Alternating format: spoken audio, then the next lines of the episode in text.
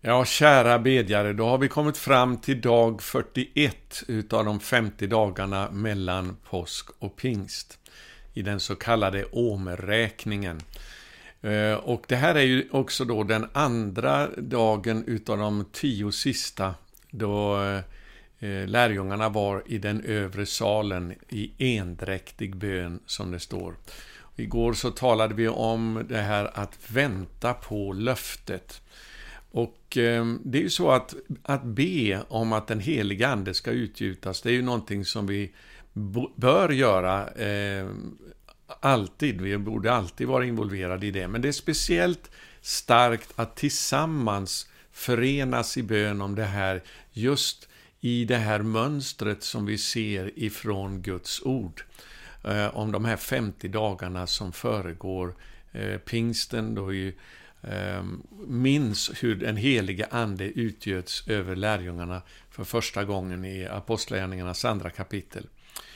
Ehm, och eh, sedan är det ju så här att vi kan ju inte repetera det som hände i eh, Apostlagärningarna 2 i det unika som hände då, då den heliga Ande föll den första gången.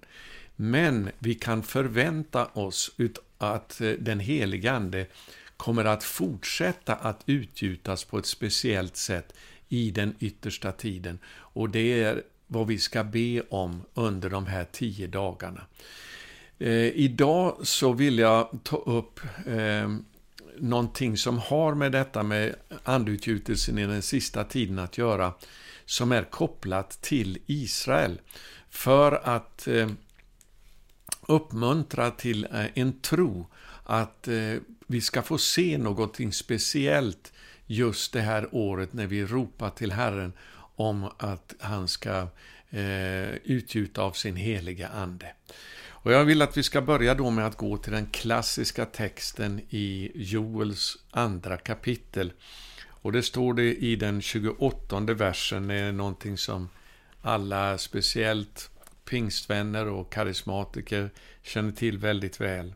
Och det är ju det som Petrus citerade också på, eh, i sin predikan på pingstdagen i Jerusalem. Det står, och det ska ske därefter att jag ska utgjuta min ande över allt kött. Era söner och era döttrar ska profetera, era gamla män ska ha drömmar, era unga män ska se syner. Också över tjänare och tjänarinnor ska jag i de dagarna utgjuta min ande. Det var det här alltså som hände på pingstdagen i Jerusalem. Och det är det här vi ska bedja om att det sker igen. Men det jag vill lyfta fram är det som står nu i versen innan här, i vers 27. Därför att eh, det står i, i texten i vers 28, det ska ske därefter. Efter vad då?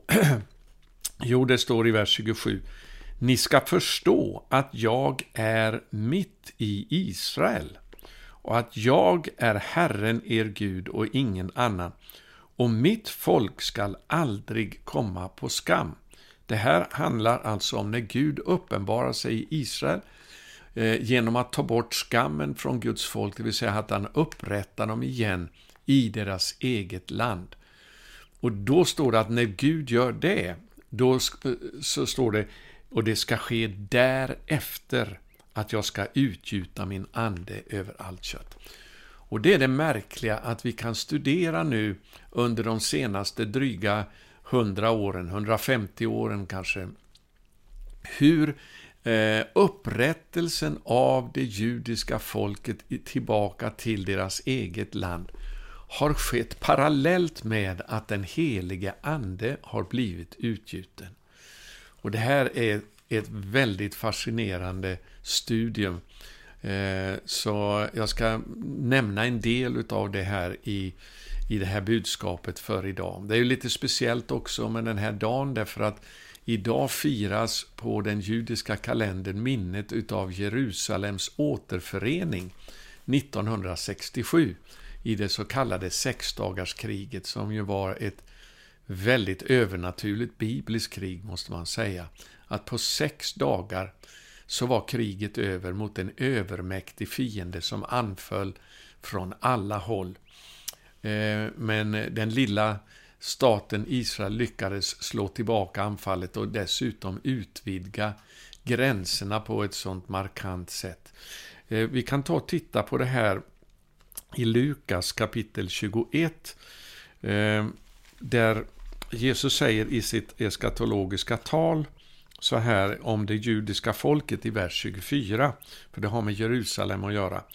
Det ska falla för svärdsägg och föras, föras bort som fångar till alla hedna folk. Och det här hände ju då för 2000 år sedan nu snart, när det judiska folket blev skingrat till alla hedna folk. Så det har gått i uppfyllelse. Och sen står det eh, vidare, Jerusalem kommer att trampas ner av hedningarna. Men inte för alltid, utan till dess, eller tills, som det står här i folkbibeln, tills hedningarnas tider är fullbordade. Så 1967 hände ju något väldigt, väldigt dramatiskt genom att Jerusalem kom under judisk överhöghet igen. För första gången på 2000 år. Eh, och drygt 2000 år får man säga det, för att på Nya Testamentets tid så var det ju eh, var Jerusalem ockuperat utav romarna. Men hur som helst, eh, att det nu har kommit över tillbaka i det judiska folkets händer, det är, det är ju precis det som Jesus talar om i den här texten, att Jerusalem ska förtrampas eller ockuperas utav hedningar, utav icke-judar. Fram till dess att den här ockupationen eh, upphör, förtrampandet av hedningarna upphör. Och det kommer alltså att ske. Eh, och det var någonting väldigt dramatiskt som hände eh, med det för 53 år sedan, exakt den här dagen på den eh, judiska kalendern. Så eh, i samband med att Gud upprättar Israel så kommer vi att få se den heliga Ande utgjutas. Det är det mönster som vi kan följa på ett Eh, väldigt tydligt sätt under de senaste ungefär 150 åren som sagt var. Och jag ska gå igenom den eh, upprättelseprocessen eh, om en liten stund här. Men jag ska läsa några bibelställen först. Eh, för det första så ska vi titta tillbaka tidigare i Joels andra kapitel. Jag vill bara säga att det här budskapet kommer att bli lite längre nu än vad vi har haft tidigare under de här 50 dagarna. För nu är vi inne liksom i slutspurten här utav de sista 10 dagarna. Så det här studiet kommer att ta en liten tid, men jag hoppas att det kommer att styrka tron på alla eh, ni som ber nu. Att vi befinner oss i väldigt profetiska tider då vi kan förvänta oss ett utgjutande av den heliga Ande som svar på bön.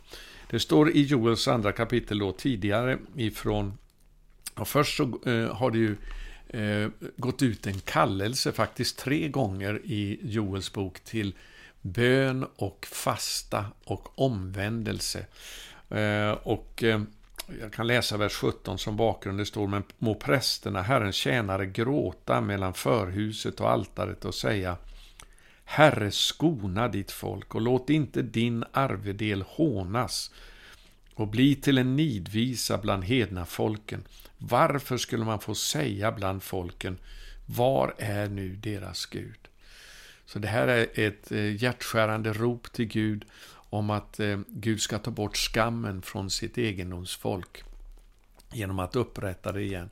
Och Det är ju en princip som gäller också för våra länder i Norden, att när vi, som det andliga prästerskap vi är idag, eh, ropar med samma nöd eh, Eh, och eh, gråt, omvändelse, med fasta, så kommer Gud att svara på bön och även utgjuta sin ande över våra länder. Men då ska vi se vad som står här i nästa vers, eh, efter det har utgått alltså kallelse till bön och fasta omvändelse. Vers 18. Då fylldes Herren av nitälskan för sitt land och han förbarmade sig över sitt folk. Och så hoppar vi ner till eh, vers 21. Frukta inte du land, utan fröjda dig och gläds, ty stora ting har Herren gjort. Nu börjar den här upprättelsen alltså som svar på fasta och bön. Frukta inte eh, ni djur på fältet, ty betesmarkerna i öknen grönskar och träden bär sin frukt. Fikonträden och vinstockarna ger sin rikedom. Och det är känt bland många bibelutläggare att fikonträdet är en bild på Israel, medan vinträdet kan man se också som en bild på församlingen. Och här står det alltså att både fikonträdet och vinträdet, de nämns speciellt bland alla träd, de kommer att börja ge frukt igen. Och Det här visar att det sker en parallell upprättelse utav församlingen när Israel upprättas. När fikonträdet upprättas så kommer också vinträdet att ge sin frukt. Och då står det vidare sedan i vers 23. Fröjda er ni Sions barn, var glada i Herren er Gud. Ty han har givit er läraren. Det här kan översätts väl i de flesta biblar med höstregnet. Men det kan också betyda läraren. Eh, han har givit er läraren eller höstregnet som ger rättfärdighet. Han ska låta rikligt med regn komma ner över er, både höstregn och vårregn som tidigare. Det här har att göra med någonting fysiskt i Israel, men som också har en, eh, är en bild på någonting andligt, alltså regnet här. Det handlar dels om ett fysiskt regn, men det handlar också om ett andligt, andligt regn, ett utgjutande av den heliga Ande som liknas vid regn. Och Då finns det två regn som nämns om här. Det är dels höstregnet och dels vårregnet. Höstregnet kallas också för, i tidigare översättningar på äldre svenska, för arlaregn, eller det första regnet. Det är det som mjukar upp marken som gör att man kan börja så, plöja och, och så. Och sedan så kommer då i slutet på regnperioden eh, vårregnet som gör att skörden mognar. Och det kallas då eh, också i tidigare översättningar för Sälaregnet. Och det här kan man se att i kyrkohistorien så började ju den här församlingens eh, tidsålder efter pingstdagen i Jerusalem i Apostlagärningarna 2 med ett kraftigt utgjutande av den heliga Ande. Det var det första regnet, det var som höstregnet, arlaregnet. Men så kommer det också att ske ett utgjutande av den heliga Ande innan Messias kommer, som är likt eh, vårregnet eller sälaregnet. Och jag blir påminn om det som står i Sakarja kapitel 10. Jag ska snabbt läsa det också. Väldigt eh, eh underbart. Det står så här i vers 1. Sakarja kapitel 10. Be Herren om regn i vårregnets tid. Och Det är vad vi befinner oss i nu, den sista tiden alldeles innan Eh, slutskörden ska bärgas. Herren ger, gör åskmolnen, skurar av regn ger han åt människorna, gröda på marken åt var och en. Så nu är det tid för oss att be om vårregnet, det sä, eller sälaregnet, det sista regnet som ska falla över eh, jorden. Och det har att göra med Eh, Eh, Israels upprättelse som jag berättade om här tidigare från Joel kapitel 2, vers 27 och 28. När Gud uppenbarar sig i Israel och tar bort skammen från sitt folk eh, och upprättar dem, då sker det därefter att anden utgjuts över allt kött. Och Jag ska ta lite grann historia här, men innan dess så ska jag också läsa ifrån Jesaja kapitel 26. För här ser vi också eh, hur det här finns beskrivet, fast på ett annat sätt. I vers 15. Där står det så här. Du har förökat folket, Herre. Du har förökat folket och bevisat dig härlig. Du har utvidgat landets alla gränser. Mycket intressant. När Gud förökar sitt folk Speciellt när de vänder tillbaka, det blir fler och fler judar som återkommer till sitt eget land. Och Gud utvidgar gränserna, så uppenbarar Gud därigenom sin härlighet. Den här principen den kan vi också se i Hesekiel kapitel 36.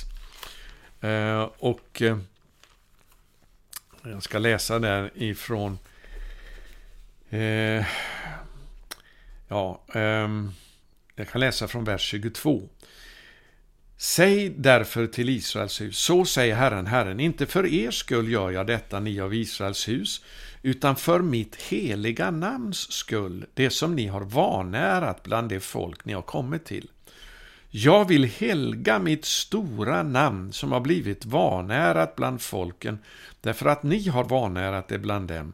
Och det skall inse att jag är Herren, säger Herren, Herren, när jag bevisar mig helig bland er inför deras ögon. Vers 24. Ty, jag ska hämta er från folken och samla er från alla länder och föra er till ert land. I samband med att Gud för tillbaka sitt folk till sitt eget land så helgas Guds namn över hela världen. Och det är ju den första eh, bönämnet som Jesus gav oss att be för, Fader vår som är i himlen. Helgat var det ditt namn, låt ditt namn bli helgat.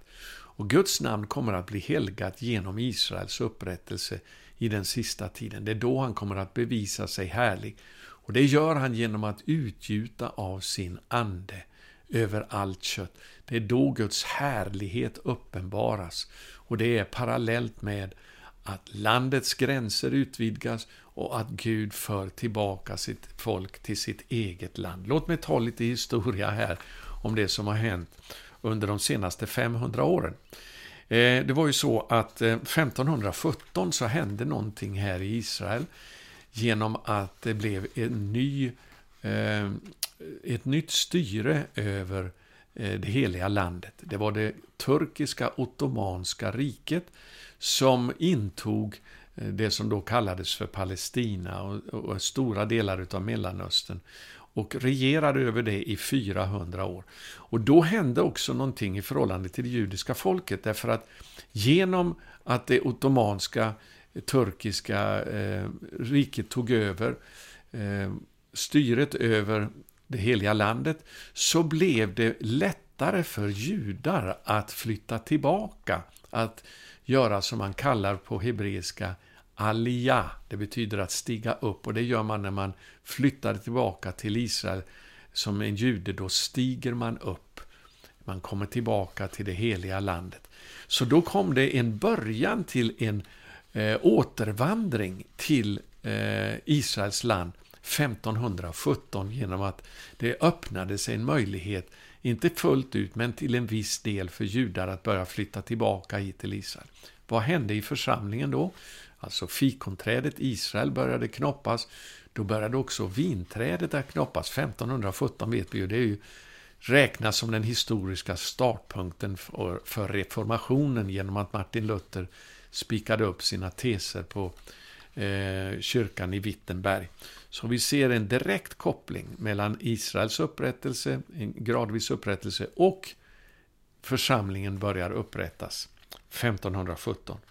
Men sen hände inte så väldigt mycket under flera hundra år förrän i början på 1880-talet. Ja, det var en, en sakteliga återvandring av judar under den ottomanska perioden. Så att till exempel Jerusalem hade en eh, eh, majoriteten av de som bodde i Jerusalem redan 1800, eh, i mitten på 1800-talet. Eh, eller förlåt, i mitten på 1800-talet så var Eh, den judiska befolkningen den största befolkningen i Jerusalem. Så det hade skett en gradvis återinvandring utav judar. Men 1882 så ser vi den första eh, större eh, invandringsvågen i modern tid av judar och det sker genom en rörelse som kallades för Chobebeit Sion, kärlek till Sion. Det här var innan den sionistiska rörelsen som vi känner till eh, genom eh, Theodor Herzl. Och den här invandringsvågen fick ingen större eh, effekt på eh, utvecklingen här i Israel. Det blev men en stad i Israel som eh, upprättades i samband med det här var Rishon LeZion. Kanske en del av er känner till den staden, den är ju stor idag i Israel. Och det var den första invandringsvågen och i samband med det så började också det hebreiska språket att återupprättas igen i modern tid och bli ett talspråk. Vad händer då i församlingen? Ja, den första Eh, andeutgjutelsen ungefär som apostlagärningarnas dagar ägde rum i Armenien, i det som då hörde till, eh, också var en del av Ryssland, en, del av södra Ryssland i Armenien, så skedde en andeutgjutelse med tungotal och profetia.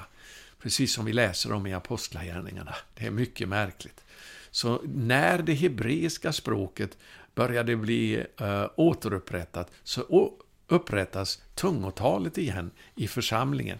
Sen kommer vi fram då till 1897 då den sionistiska rörelsen eh, grundades, den moderna sionistiska rörelsen i Basel i Schweiz 1897. Vad hände då? Jo, året därpå så startar eh, en man som heter Charles Parham en bibelskola i Topeka i, Tex i Kansas.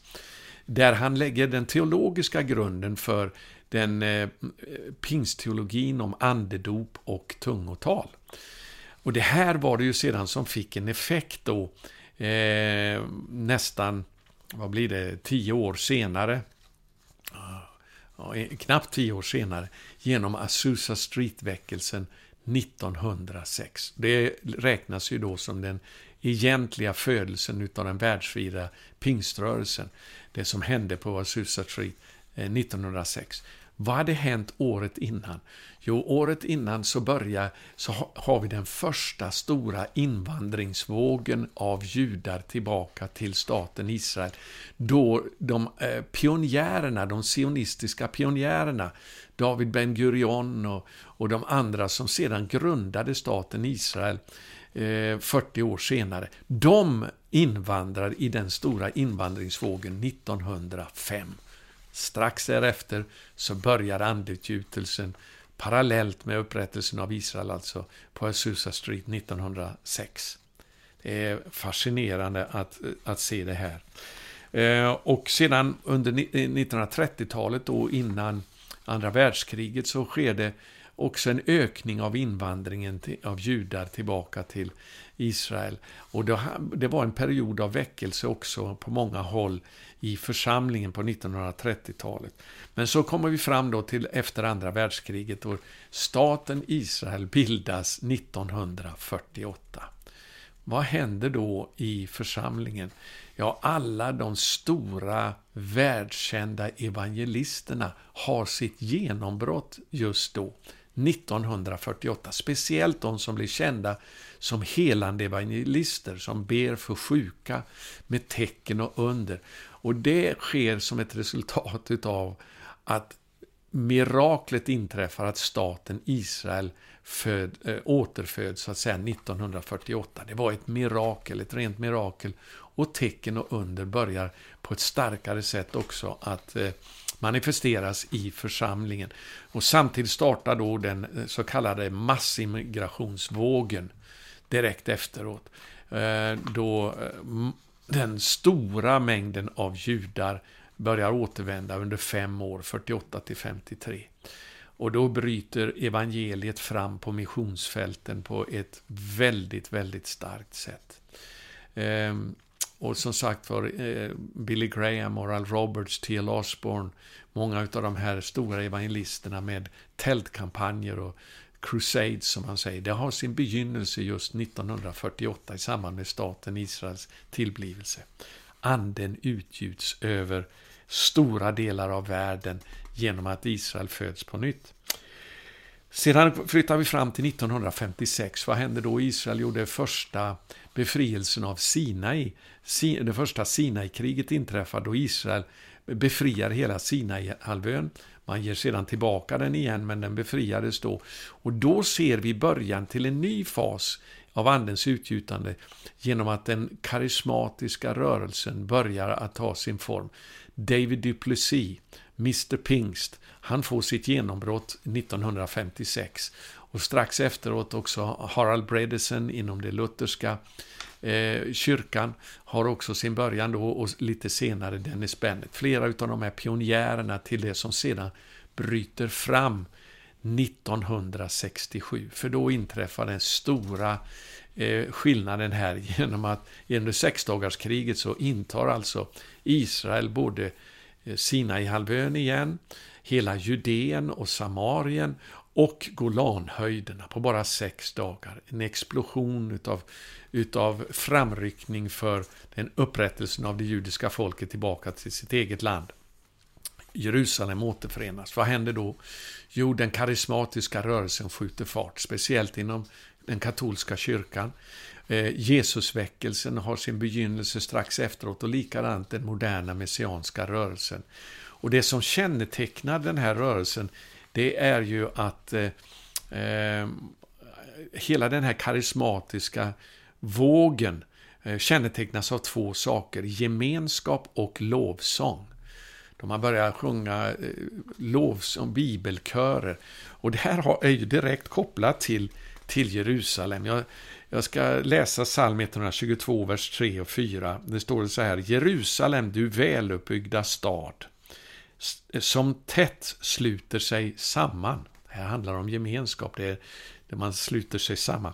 Dit drar stammarna upp, Herrens stammar, som ett vittnesbörd för Israel för att prisa Herrens namn. Jerusalem är centrum för tillbedjan av eh, Israels Gud, Abrahams, Isaks och Jakobs Gud. Och när den staden eh, kommer igen i det judiska folkets händer, då kommer en, en, också en nyfödelse av detta med gemenskap och tillbedjan i eh, Kristi kropp, i församlingen. 1977 så eh, återlämnar Israel Sinai-halvön igen till Egypten. Och det är väldigt märkligt för då kan man se väldigt tydligt att den karismatiska rörelsen avstannar just det året. Därför jag vill påminna om orden alltså i Jesaja 26 och 15 igen. Där det står att du har utvidgat landets gränser, du har bevisat dig härlig.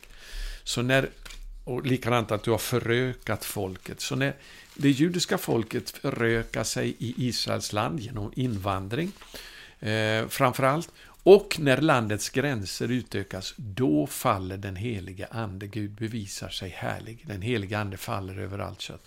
Motsatsen, eh, den kan vi också se. Eh, 1977 när man lämnar tillbaka Sinaihalvön så stannar den karismatiska väckelsen av. Eh, 1982 så inträffar det första offensiva israeliska kriget genom att man rycker in i Libanon för att eh, slå tillbaka PLO som hade börjat att plåga speciellt norra Israel väldigt mycket genom raketbeskjutningar. Israeliska armén tågar in i Libanon i en, i en tuff eh, eh, kampanj under eh, några dagar då man snabbt slår ut de här PLO-festerna. Vad händer då i församlingen? Jo, någonting föds just under 1980-talet direkt i, i anslutning till det här som blir kallat för andlig krigföring. Mycket märkligt. Eh, sedan så kommer den stora eh, invasionen utav, eller immigration ska jag säga, utav eh, ryska judar i slutet på 80-talet och 90-talet. 700 000 ryska judar flyttar hem till Israel. Och då ser vi att det återigen att det blir en explosion av evangeliet, speciellt i tredje världen. Vi kan också eh, se sådana här väckelser som Pensacola-väckelsen, Promise Keepers, som påverkade stora delar utav västvärlden då. Nu har vi kommit fram till år 2020 och nu är vi återigen i en mycket speciell tid här i Israel. Ehm, och det är det som gör mig förhoppningsfull att vi kommer att få se regnet, det andliga regnet att falla på ett nytt sätt och det är det vi ska bedja om nu. Därför att i år så händer någonting mycket speciellt. För det första så är det nu första gången på nästan 30 år som Genesaret är full med vatten. Och det är ju, det är ju ett profetiskt tecken från Joels bok där det står att eh, jag ska ge er höstregnet och vårregnet. Regnet, det fysiska regnet, är väldigt starkt kopplat till upprättelsen utav det judiska folket här i Israel. Så att det har regnat så mycket den här vintern nu så att Genesaret är helt full. Det är ett profetiskt tecken. Och vad händer nu i samband med det här då? Jo, för första gången nu sedan 1967, det är alltså för första gången på 53 år, så finns det nu en stor eh, uppbackning kan man säga bland eh, de, i stort sett alla politiska partier i Israel att det är dags att utropa suveränitet i stora delar av Judeen och Samarien. Områden som man alltså har haft under sin kontroll i 53 år nu, sedan sexdagarskriget 1967. Nu håller landets gränser på att utvidgas. Och regnet faller på ett ymnigt sätt. Det här är profetiska tecken, vänner. Och jag vill uppmuntra er med detta, att bedja nu om regn i vårregnets tid. Att vi ska få se en andeutgjutelse, en ny fas av andens utgjutande i den yttersta tiden för att bärga en stor skörd för Guds rike. Så vänner, låt oss gå in i bön för denna andeutgjutelse under de här dagarna nu fram till pingst. Jag tror att vi befinner oss i väldigt historiska tider. Inte bara det här med coronaviruset utan också de profetiska tecknen på upprättelse som vi ser här i Israel.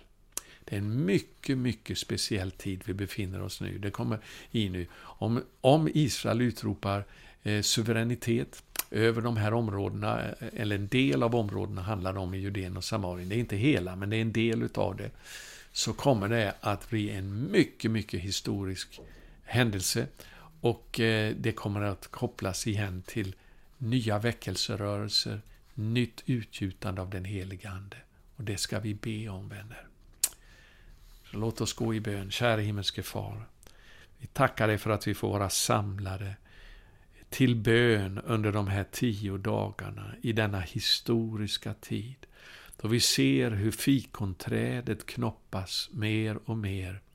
Hur regnet har fallit nu ymnigare än någonsin på nära 30 år. Eh, genesaret är fullt med vatten, vattenkällan och försörjningen för Israel. Och eh, sedan så ser vi också nu hur landets gränser håller på att utvidgas.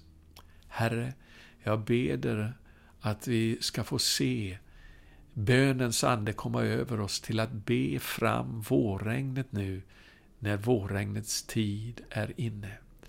Att ett nytt utgjutande ska komma över världen, över allt kött av din heliga Ande. Du ska bevisa dig härlig med tecken och under av inte vanligt slag.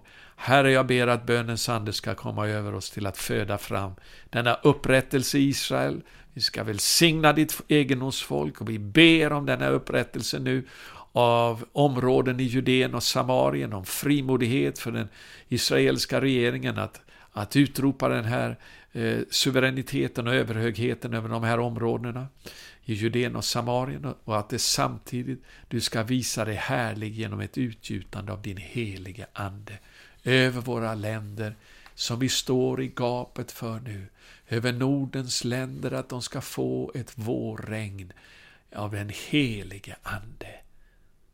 Jesu välsignade namn. Jag hoppas du har blivit uppmuntrad av det här till att be med tro om den helige Andes utgjutande på ett nytt sätt över våra länder i Norden. Gud välsigne dig. Det är inte för sent att förena dig med bedjarna på Gärdebygården i Dalarna Du kan gå till vår hemsida sverige714.se och läsa om det här och hur du kan anmäla dig dit. Annars uppmanar vi också nu, det är många som samlas till bön, Vetlanda, Piteå, Skåne, det är på olika håll, Finland, eh, Norge, eh, så att, och många ställen som jag inte känner till också, där man samlas till bön nu. Och se till att be de här kvällarna på ett speciellt sätt, uthålligt om regn i denna vårregnets tid. Gud välsigne dig.